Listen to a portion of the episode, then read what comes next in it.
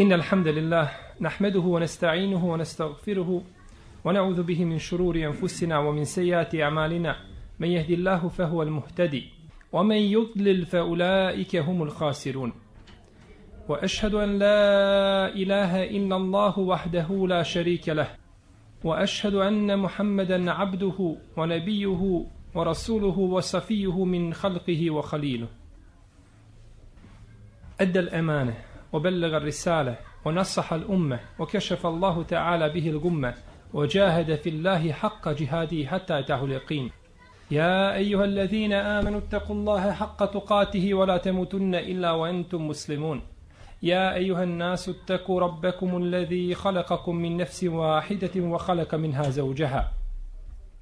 وبث منهما رجالا كثيرا ونساء. واتقوا الله الذي تساءلون به والأرحام.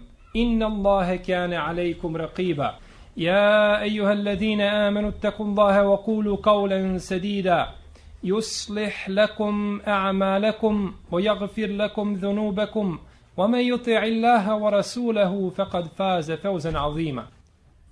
أما بعد فإن أحسن الكلام كلام الله. وخير الهدي هدي محمد صلى الله عليه وسلم. وشر الأمور محدثاتها وكل محدثة بدعة وكل بدعة ضلالة وكل ضلالة في النار Bileži imam El Bejheqi u svome sunanu sa lancem prenosilaca oko koga postoji spor među muhaddisima oko njegove vjerodostojnosti, pa ga vjerodostojnim smatra šejh Albani, a neki drugi učenjaci su prigovorili o ome hadisu. I ispravno je da je on Hasan, da je dobar, jer je prenešen sa preko 12 različitih puteva. U kome je poslanik sallallahu alaihi wasallam kaže Jahmilu hadel ilme min kuli khalefin uduluh, jenfune anhu tahrif al galin, وانتحال المبطلين وتأويل الجاهلين Ovo znanje šerijatsko prenosi iz svake skupine iz svake generacije pouzdana skupina ljudi koji brane ovo šerijatsko znanje od iskrivljenih i izvitoperenih značenja. I brane ovo znanje od onih koji sebi pripisuju ono što ne zaslužuju. I brane ovo znanje od iskrivljivanja koga su učinili oni koji su željeli zlo ovoj vjeri. I bileži imam Ebu Davud u svome sunenu sa vjerodostojnim lancem prenosilaca da je poslanik sallallahu alaihi wasallam kazao u istinu uzvišeni Allah Želešanu šalje svaki stotinu godina čovjeka koji će ljudima obnoviti njihovu vjeru. Juđedidu emredinihim ponavlja i obnavlja njima njihovu vjeru. Pa im ukaže na Kur'an i njegovo ispravno tumačenje. Ukaže im na sunnet i njegovo ispravno tumačenje i praktikovanje. Pojasni im šta su to novotarije i šta je to zabluda i čega se čovjek treba čuvati. A u prvom redu najveće od tih novotarija, a to je širk. I to je kufur u Allaha te barake od Ovo su dva od brojnih hadisa koji ukazuju na odliku učenih ljudi i na milost uzvišenog Allaha te barake o teala kojom je počastio ovaj umet. A to je da im da učene ljude koji će čuvati njima njihovu vjeru. Pa neće se sa njihovom vjerom desiti ono što se je desilo sa vjerom kršćana i židova. Koji su svoju vjeru iskrivili i preprali i u njoj dodavali šta su htjeli i izbacivali iz nje šta su htjeli i onda na kraju da je to ostalo da više ne vrijedi da se nazove vjerom. Već je to šta? Već je to plod njihovih ruku, ono što su njihove ruke pisali. Ono što su njihove ruke pisale. Mi ćemo danas uz Allahu Tebarak je Otala pomoći govoriti o jednom velikom islamskom učenjaku, imamu ovoga ummeta, osnivaču jednog od priznatih islamskih medheba ili puteva ili pravaca, fikskih pravaca, koji je priznat kod ehlu sunneta wal džemata po konsensusu islamskih učenjaka. Nema razilaženja. To je imam šehol islam, huđetul ummeti imamu daril hijra. Ebu Abdillah, Malik ibn Enes, ibn Malik, ibn Ebi Amir, ibn Amr ibn al-Haris, ibn Gajman ibn Huthayl, ibn Amr ibn al-Haris, el-Asbahi al-Medani. To je puno ime imama Malika, rahimehullahu ta'ala. Imam Malik, imam Darul Hidžre. Imam Hidžre, odnosno mjesta u koje je poslanik sallallahu alejhi ve sellem učinio hijđu, a to je Medina poslanika sallallahu alejhi ve alihi ve sellem. Nama nije za cilj da ovdje govorimo samo o istoriji imama Malika. Njegove vrline su sigurno brojne i puno brojnije nego da se pobroje na jednom kratkom izlaganju. To je nemoguće. No međutim, mi ćemo spomenuti možda neke sitnice i izvadit ćemo kap iz tog velikog mora iz biografije ovog velikog islamskog učenjaka i pravnika. Imam Malik koji je rođen u Medini. I živio je u Medini i znanje uzimao iz Medine. I nije izlazio van Medine. Tu je živio. Boravio je u gradu Allahovog poslanika sallallahu alaihi wasallam. Za koga je poslanik alaihi salatu wasallam rekao ko može neka umre u Medini. Kome se pruži prilika neka umre u Medini, zaista ću ja biti šefađija onome ko preseli u mojoj Medini, u mome gradu. Spominje se u biografiji imama Malika od kerameta ovoga velikog islamskog učenjaka da ga je njegova majka nosila tri godine a u drugim nekim verzijama da ga je nosila dvije godine. I ovo je poznato mišljenje kod islamskih pravnika Malikijskog mezheba. Ko pogleda u knjige Malikijskog mezheba, primijetit će da oni dozvoljavaju i smatraju mogućim da žena nosi dijete tri godine. Čak neki idu i na više od toga, pa smatraju da žena može nositi i po pet godina taj embrion ili to dijete. U svakom slučaju, da li je ovo vjerodostojno i nije, To nas ne zanima. Bitno je nama da je uzvišeni Allah te barak je od počastio ovaj umet sa jednim imamom kao što imam Malik ibn Enes. Rođen je imam Malik ibn Enes po najjačem mišljenju, po mišljenju većine istoričara, 93. hijđarske godine. One godine kada je umro, ko? Enes ibn Malik. Enes ibn Malik sluga i ashab poslanika sallallahu alaihi wasallam. 93. godine umro Enes ibn Malik, a te se iste godine rodio Malik ibn Enes. Pa kao da je uzvišeni Allah te barak je od Allah htio da nam domjesti tu jednu prazninu ome umetu. Pa je zamijenio Enesa ibn Malika Malikom ibn Enes. Bideže Imam Ahmed, Ibn Hibban, Hakim, Tirmizi i drugi od Ebu Hureyre radijallahu ta'ala anhu da je poslanik sallallahu alaihi wasallam rekao La yadribenne nasu ekbadel ibil fi talebil ilmi fela jeđidune alimen aleme min alimi al Medina. Ljudi će putovati na svojim devama i kružiti po zemaljskoj kugle. Ali neće naći učenijeg čovjeka i učenijeg učenjaka od učenjaka Medine. Hadis poslanika sallallahu alaihi wasallame u kome se nagovještava spomen imama Malika. No međutim, oko ovoga hadisa postoje razilaženja među islamskim učenjacima. Pa ga vjerodostojni smatra imam Hakim, Ibn Hibban, i Zehebi. Dok su neki drugi islamski učenjaci prigovorili ome hadisu pa ga ne smatraju vjerodostojnim.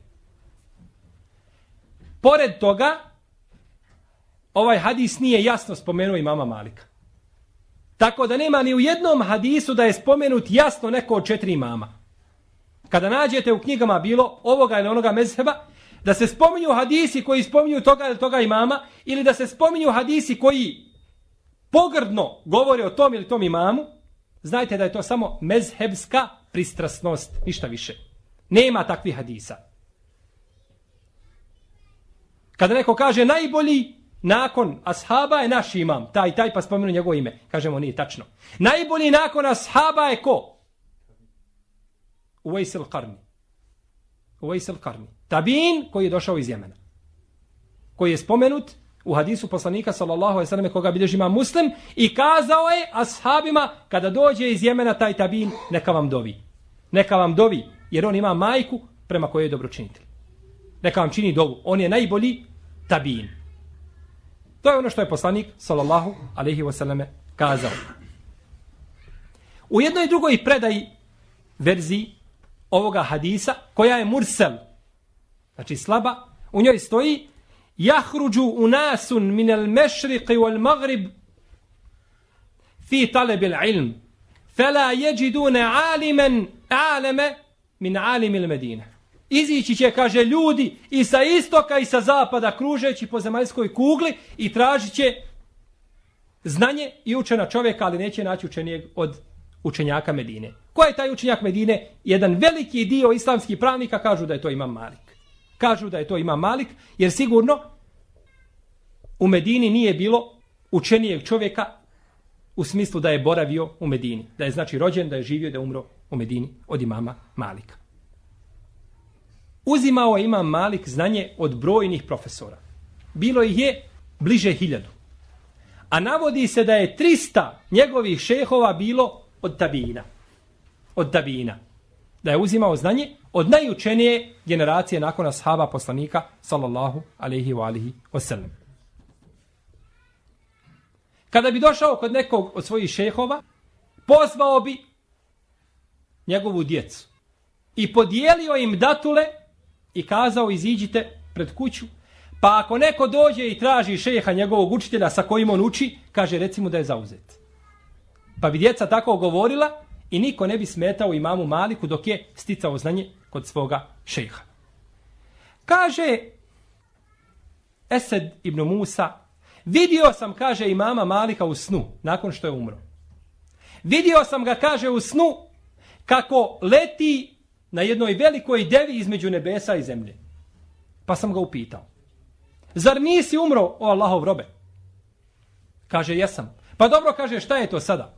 Kaže, kada sam došao pred Allaha Đelešanuhu, kazao mi je, o Malik, traži, kaže, šta hoćeš, da će ti se.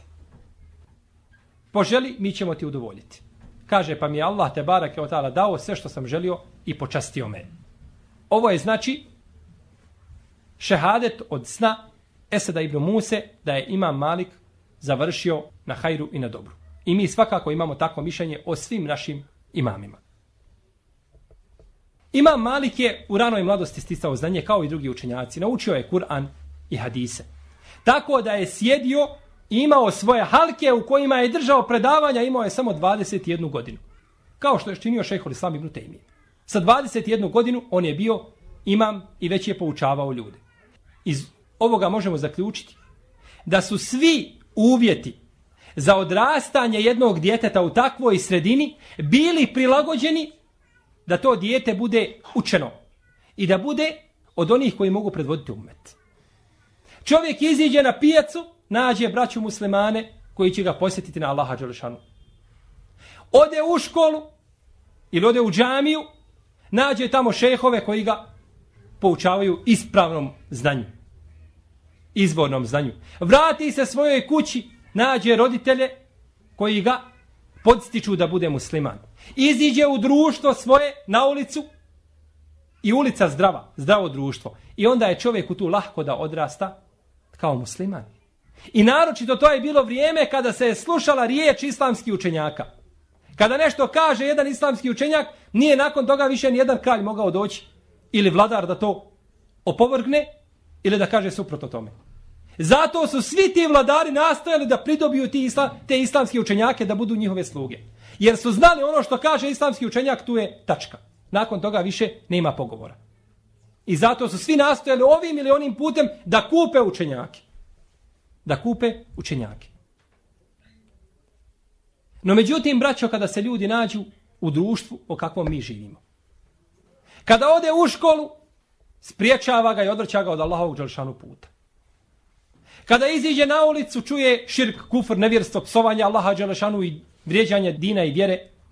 Kada se vrati svoje kući, babo i mama, zagriženi neprijatelji dina i vjere, kada dođe u džamiju, nađe u džamiji nekoga ko će ga spriječiti od praktikovanja sunneta i ko će mu se suprostaviti. Nađe možda i mama koji mu toliko pažnje posveti, toliko ga voli, pa da svaku hutbu njemu posveti i o njemu priča i slično tome. Sigurno ako čovjek raste u takvom društvu da je teško da opstane na onome pravom putu. Mora zaista znači imati ili jako znanje ili mora imati jako društvo ili učene koji će ga znači upućivati na ono što je najbolje. A da ne govorimo o državnim ustanovama koje muslimane zatvaraju, proganjaju, muče sve s ciljem da odvrate ljude od Allahove tabarake wa ta'ala vjere. Imam Malik je bio od one skupine učenjaka koji su se miješali sa vladarima. Recimo što nije bio slučaj sa imamom Ahmedom. Imam Ahmed se izdvojio, izolirao se i nije htio da nikada vidi nijednog od vladara. A Imam Malik nije bio takav. Imam Malik je dolazio i miješao se s njima, nasihat im činio, ukazivao im na dobro i odvraćao ih od zla. Jedne prilike, kada je došao kod Ebu Džafera el Mensura, to je bio Emirul Mu'minin, vladar jedan, u njihovo vrijeme, razgovarao je sa njim, pa je kazao Ebu Džafer el Mensur, kaže, ja nisam nikada vidio pametnijeg čovjeka od tebe. Ti si, kaže, najpametnije biće koje sam ja sreo. I zato ću ja, kaže, učiniti tvoju knjigu, El Muwatta, njegovo hadijsko dijelo, da bude mezheb ljudima. Silom ću to učiniti. Zakon, zakonom ću propisati da svako mora slediti muvetu i ono što je u muveti. I tvoje mišljenja. Inače, muveta i mama Malika je jedno od prvih do nas prenešenih i sačuvanih hadijskih dijela. I dijelo koje je sigurno se smrstava među prva i najispravnija hadijska dijela. Pored Buharije i muslima. I većina hadisa, apsolutna većina hadisa koji se nalaze u toj muveti su kod Buharije i kod muslima. I lanci prenosilaca tih hadisa su ispravniji nego što su kod Buhari i kod muslima. Od onih hadisa koji su svakako vjerodostojni. Jer ima manje ravija u tome senedu. A što god ima manje ravija u jednom senedu, prenosilaca, to sened biva jači i dobija na svojoj težini i na svojoj snazi. I kažu neki islamski pravnici, muhaddisi, sve što je kod imama Malika u njegovoj muveti, sa povezanim lancima prenosilaca, to je ispravno.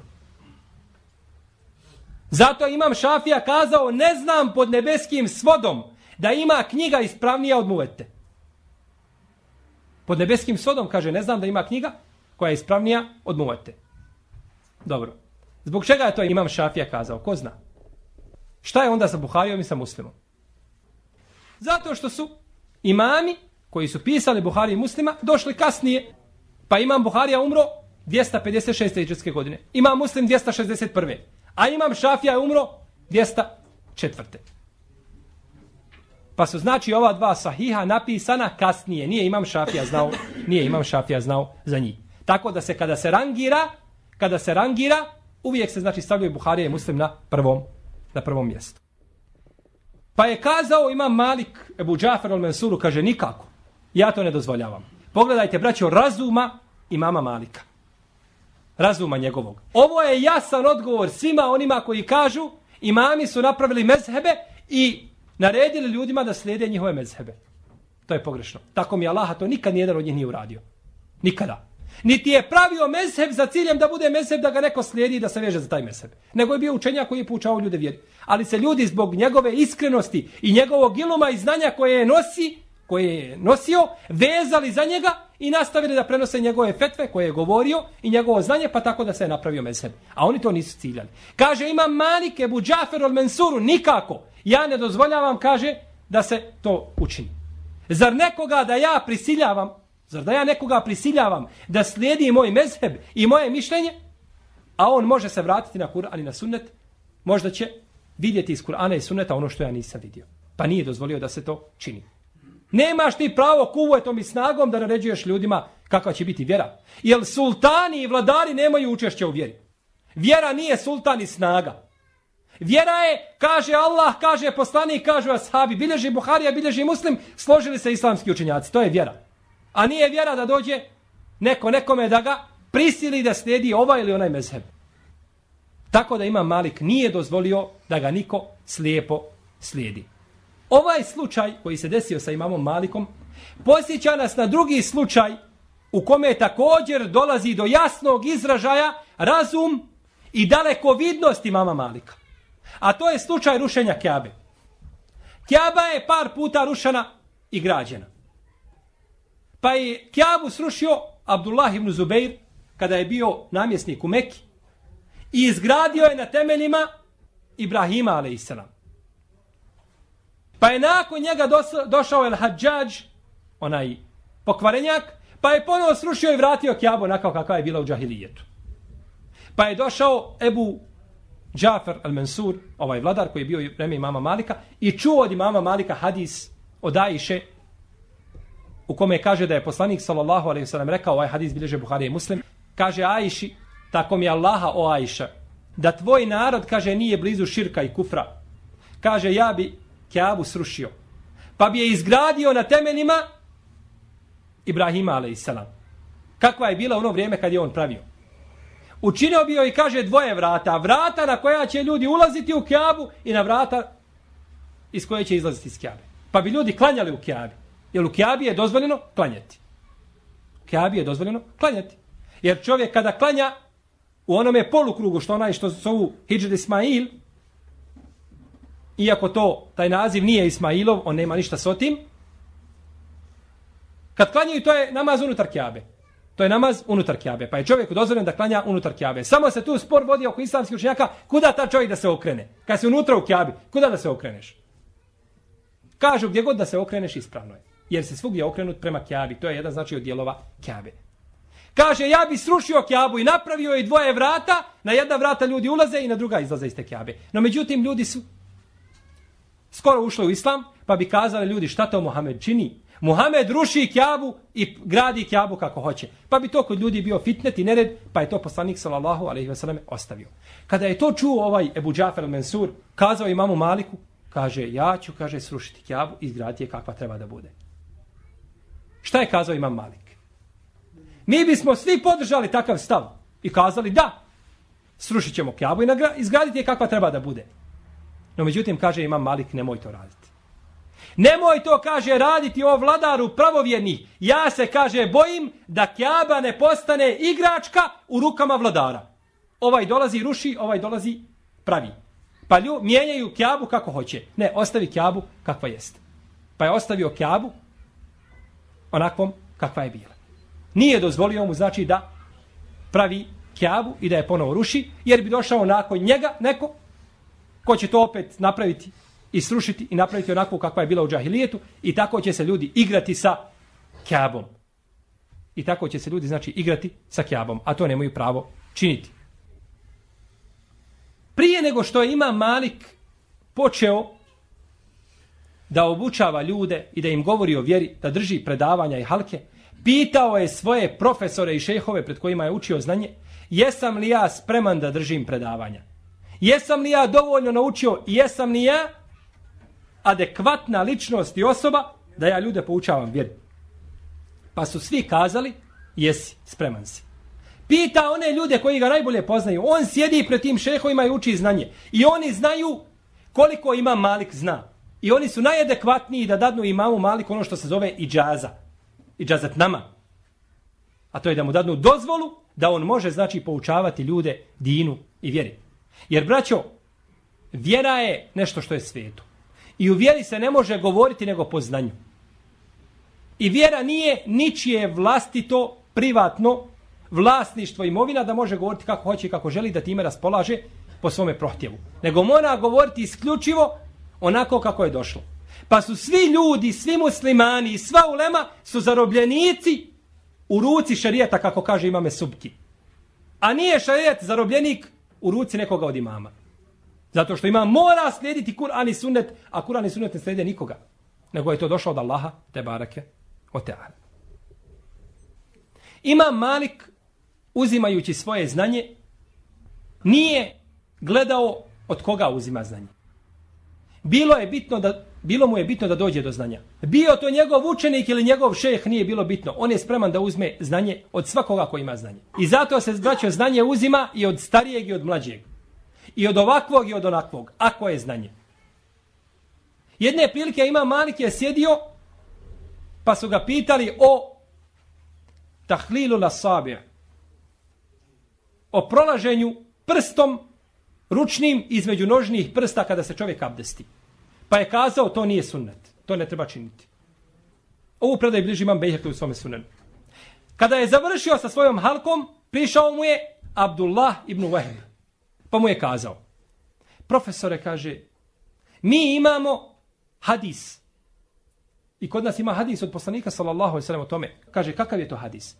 Kaže imam Abdullah ibn Wahb pričao mi je Elejs ibn Sad i Amr ibn Haris ibn Lahija.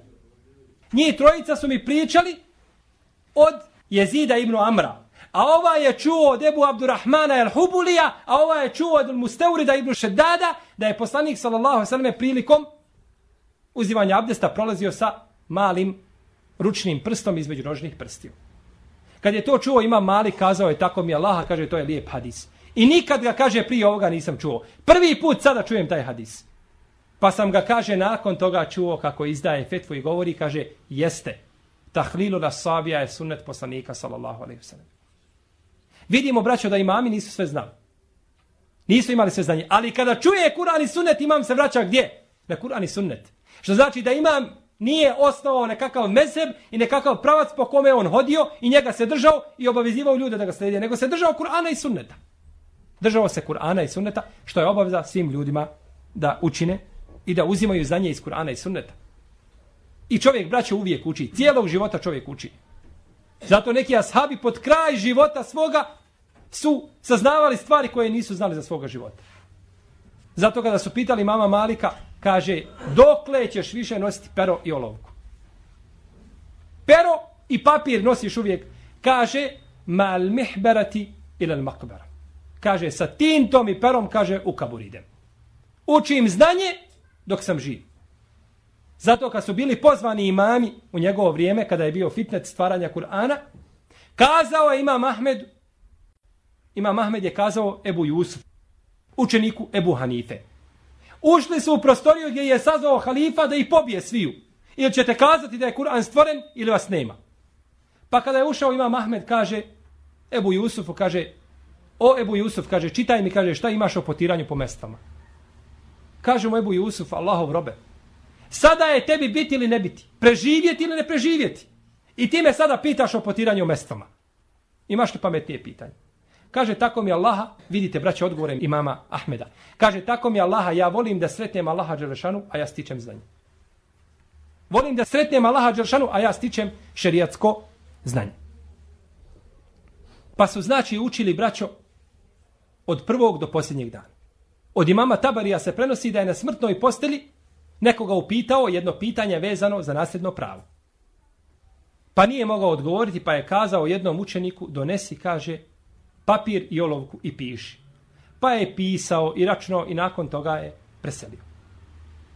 I nakon toga je preselio. Pa su ga upitali, prije nego što će preseliti, pa dobro, zbog čega? Sad si na izdisaju na smrtoj posteli, kaži la ilaha ilala, čini zikr. Kaže, tako mi Allaha Đalešanu kaže, draže mi je da se Allahu vratim, a ja poznajem to pitanje i taj propis, nego da se vratim Allahu Đalešanu, a ja ga ne znam.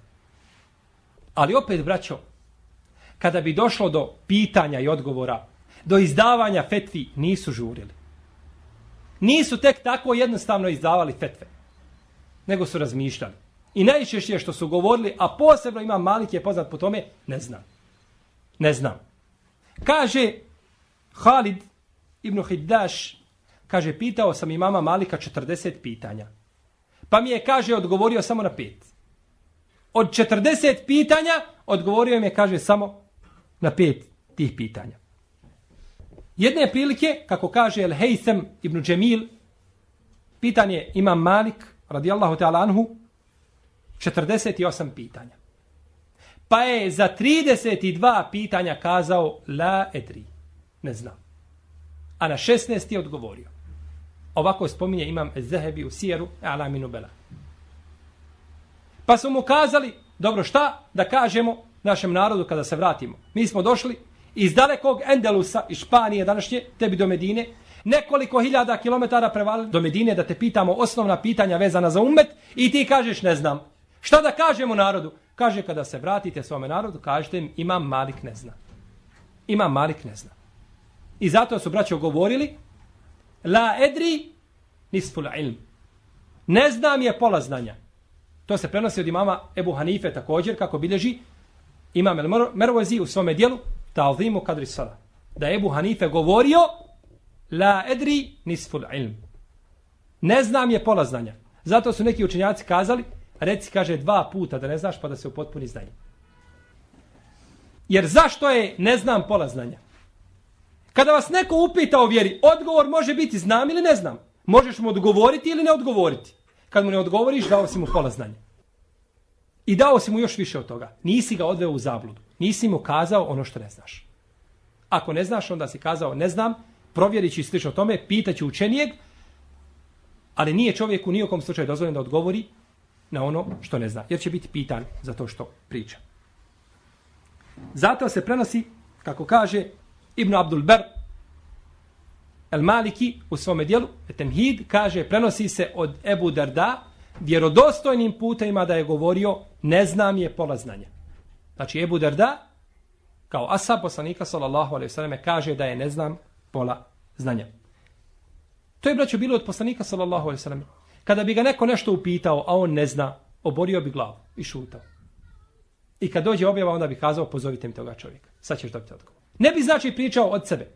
A ako bi bio i štihad, u kome mu je bilo dozvoljeno da i štihadi, pa pogriješio, onda bi Allah to popravio objavom. U protivnom poslanik sallallahu alejhi ve nikada nije govorio osim kada je znao. Pogledajte braćo i mama Malika. Na 32 pitanja ne odgovara. Od 40 pitanja odgovori na 5. Ja vjerujem i ubijeđen sam da većinu tih pitanja koja su bila postavljena imamu Maliku, da je nama ovdje postaviti, mi bi se natjecali ko će odgovoriti na ta pitanja. Možda bi za takva pitanja Omer radijallahu ta'ala anhu skupio učesnike bedra. Pa se dogovarao sa njim. Šuru činio. A mi bismo možda trčali da odgovorimo na ta pitanja. Jer kad ne odgovoriš, nećeš biti pitan. Ali kada odgovoriš, sigurno da će čovjek odgovarati za ono što je odgovorio. Ima Malik je imao kćerku koja je bila jako učena. Bila poznata po svome znanju. Sjedila bi iza vrata u svojoj kući i slušala kada se imamu Maliku čita njegova muveta. U davna vremena, pri sticanju znanja, šejh bi sjedio na jednom mjestu, a njegov učenik bi čitao i on bi slušao. Pa bi ga popravio ako pogreši. Kada bi ti učenici čitali muvetu imama Malika, koju je napisao braćo za 20 godina, a neki kažu 40 godina da je ostao pisajući muvetu, ubacivajući hadise i izbacivajući hadise. I kada je to završio, tu je muvetu dao da je pregleda 70 najučenijih ljudi u njegovo vrijeme koji je bilo Medini. Svi su je pregledali, svi su pohvalili muvetu da je to jedno izuzetno važno i bitno i ispravno i rodostojno djelo. Tako da je umet danas ehlu sunnata ul džemata složan da je muvata priznata hadijska zbirka znači kod učenjaka ehlu sunnetske pravne provicijencije. Ova bi kćerka i mama Malika sjedila iza vrata i slušala. Kada bi neko od tih učenika pogrešio dok čita mu eto, ona bi kucala na vrata. Ona bi kucala na vrata. Ovo braće ukazuje koliko su žene u njihovo vrijeme bile učene. Žene su bile učene. U vrijeme imama El Muzenija, jednog učenjaka imama Šafije, koji ima svoje dijelo Muhtesarul Muzeni, na koje je imam El Mawardi dao svoj komentar, pa ga nazvao El Hawil Kebir, koji je danas štampan u 24 toma. Taj Muhtesarul Muzeni, to je jedno kratko dijelo, bio je poklanjan djevojci koja se udaje djevojka koja bi se udavala, bio bi joj stavljen mushaf i taj muhtesarul muzani. Ovo nam ukazuje na dvije stvari. Prvo, na vrijednost ove knjige, muhtesarul Muzani, da je to sigurno izuzetno važno djelo dok se je to davalo djevojci, mladi kao poklon, a mladi se daju samo najljepši poklon, najvredniji poklon, i mushaf, uporedo sa mushafom, i druga stvar, koliko su žene u to vrijeme sticale znanje. Žene koliko su sticale znanje. Jer joj sigurno ne bi bilo poklonjeno tako jedno djelo. I prenosi se u Siri i u biografiji brojnih žena da su poznavale šest hadijskih zbirki sa lancima prenosilaca i sa metojima hadisa. Na pamet naučile šest hadijskih zbirki. Ima Malik, kao i svi drugi učenjaci, su braći otrpili puno zbog novotara, koji su im spletke pravili, približavali se vladarima, njima se udvarali i udobravali da bi tako naudili islamskim učenjacima. Pa su tako učinili imamu Maliku spletku, pa je doveden pred Džafera, koji je nasled, nasledio Ebu Džafer al-Mensura, pa je naredio da se imamu Maliku udaraju bičevi, pa su ga bičevali. Skinuli su njegovu odjeću i bičevali ga po leđima. I vezali mu ruke tako da su mu jednu ruku izvalili iz ramena. Pa mu je bila jedna ruka izvaljena iz ramena. Kaže Ibrahim ibn Hamad, kaže, gledao sam i mama Malika, kaže, kad ustaje iza halke, gdje je držao predavanja svoja, jednu je ruku držao drugom. Kaže, bila mu je izvaljena iz ramena.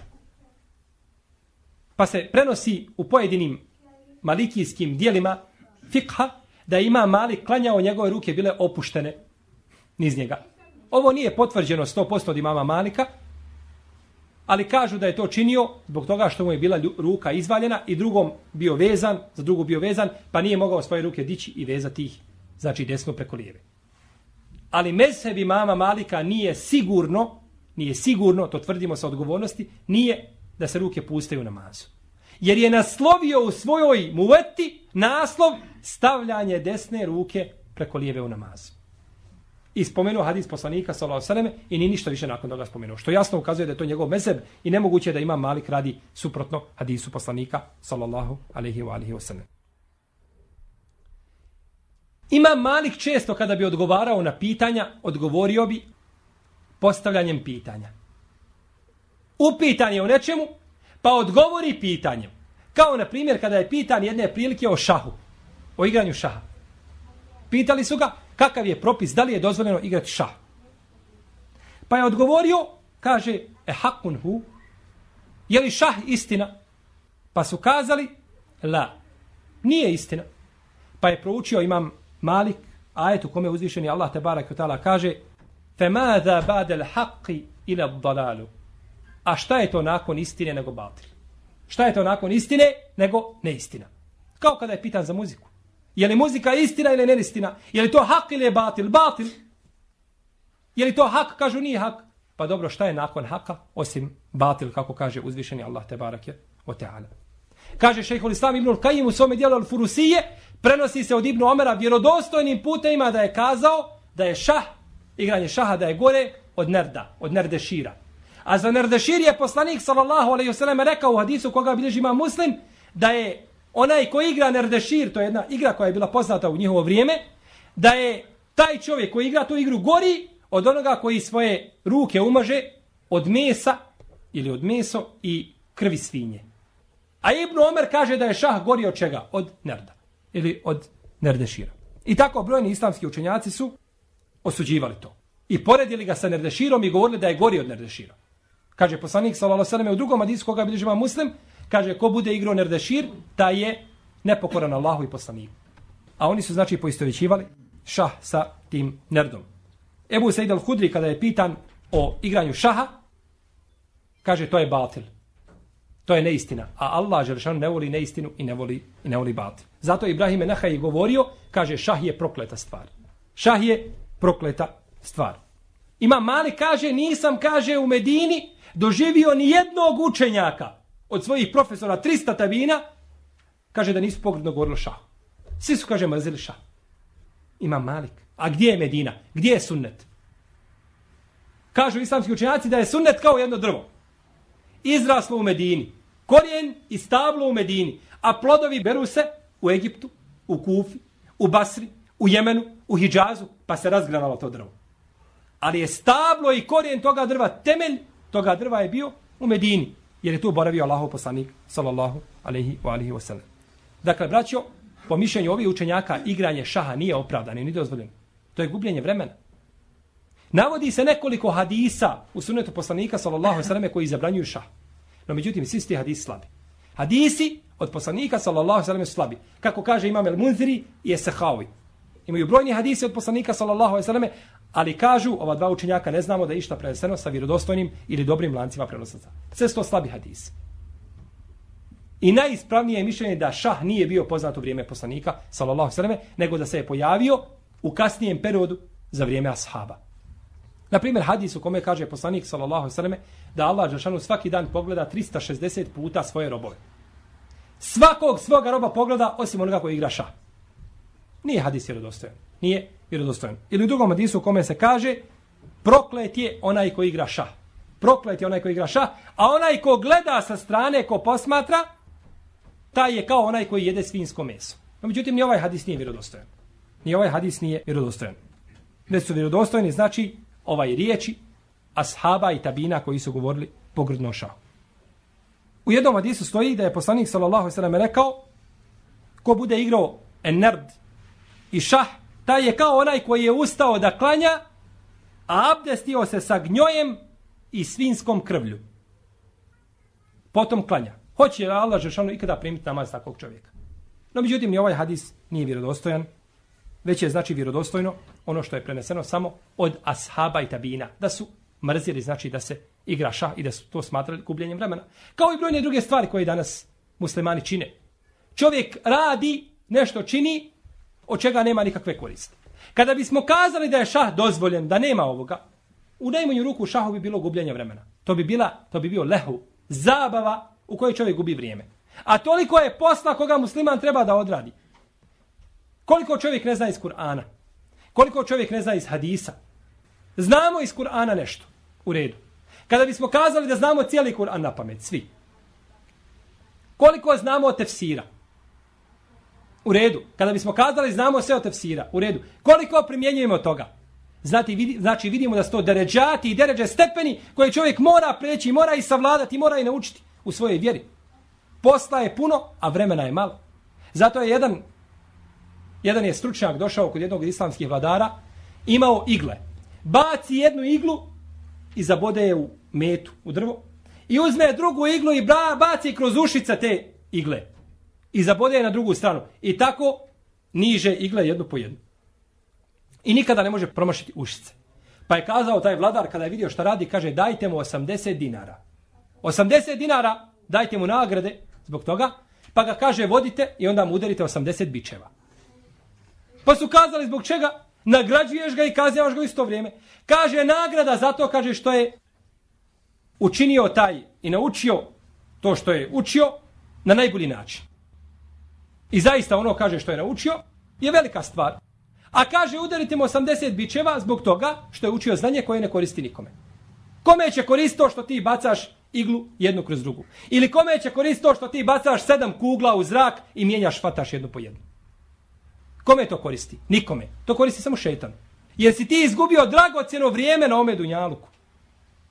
Ne kažemo mi, nismo protiv sporta ili protiv stvari koje koriste čovjekovom tijelu u kojima nema ništa što se koristi sa šerijatom, sigurno to je poželjno u granicama određenim da čovjek znači ne gubi svo vrijeme tu i tako dalje. No međutim činiti nešto što mu zaista ne koristi ni na dunjaluku, na ahiretu, to je prava propast. Jer je vrijeme čovjeka ograničeno. Živiš 70 godina. Hoćeš li dočekati 70? To ne znaš. Ne znaš kada ćeš preseliti i onda se čovjek igra sa svojim životom. I onda se vratiš pred Allah i kažeš gospodar moj, učini me od onih da uđu u džennet, od onih koji će ući u džennet bez polaganja računa, i koji će biti u hladu tvog arša sa tabinima i ashabima i šehidima i dobrim, ali ja nisam naučio teđvid. Ne znam čitati Kur'an, kad učim Kur'an muckam i štuckam, ne mogu nikako jednu stranicu da proučim, treba mi sahat vremena. Ali me učini da ja budem od onih koji će ući u džennet bez polaganja računa. Allah te na sudnjem danu te barak je utala, neće pitati o tvome lehu i o tvojej zabavi. Pitaće te šta si učinio za vjeru, šta si učinio za din. Ovo što smo spomenuli je bilo znači samo nešto jedna mala sitnica iz života imama Malika, da vidimo ko je bio taj veliki islamski učenjak, taj pravnik, čije će se ime svakako po hajru i po dobru spomnjati kod ehlu sunneta ol džemata do sudnjega dana, inša Allahu Teala.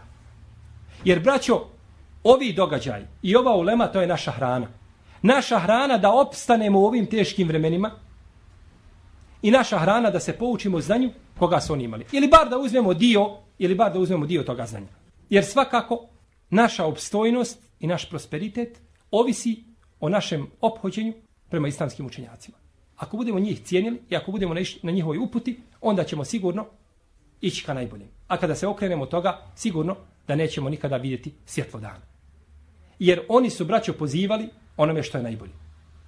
Zar nije imam Malik govorio, zar nije od imama Malika, Malika prenešeno vjerodostojnim mutevatir putevima da je kazao kada je bio kod kabra poslanika sallallahu alejhi ve od svakoga se prihvata i odbija osim od ovoga sahiba ovoga kabra ili ovoga čovjeka koji je u kabru, to jeste poslanika sallallahu alejhi ve sellem. Kao da je kazao nemojte ljudi mene slijepo slijediti, slijedite Kur'an i Sunnet. Pa ima li lepši od onoga koji poziva: "O men ahsanu qawlan mimmen da'a ila Allah?" Ako lepše poziva od onoga koji Allah poziva. Ili ko ljepše govori od onoga koji Allah poziva. A to su činili naši islamski učenjaci, u prvom redu ima Malik i drugi imami, priznatih mezheba, priznatih mezheba el sunata ul džemata. Molim uzvišenog Allaha te barake o ta'ala da nas pouči našoj vjeri, da popravi naša stanja, da popravi stanja muslimana u cijelom svijetu, da pomogne sve one koji se bore na Allahovom putu bilo kojom vrstom borbe. Da ujačava muslimansko tijelo i da ujedini muslimane ehlu sunneta ol džemata u jedan saf i da ih učini neprobojnim bedemom pred njihovim neprijateljima. Wa sallallahu ala nabina Muhammed wa ala alihi wa sahabi ajma'in wa jazakum Allahu khairal jazaa. Wa baraka Allahu fikum wa ahsana ilaykum.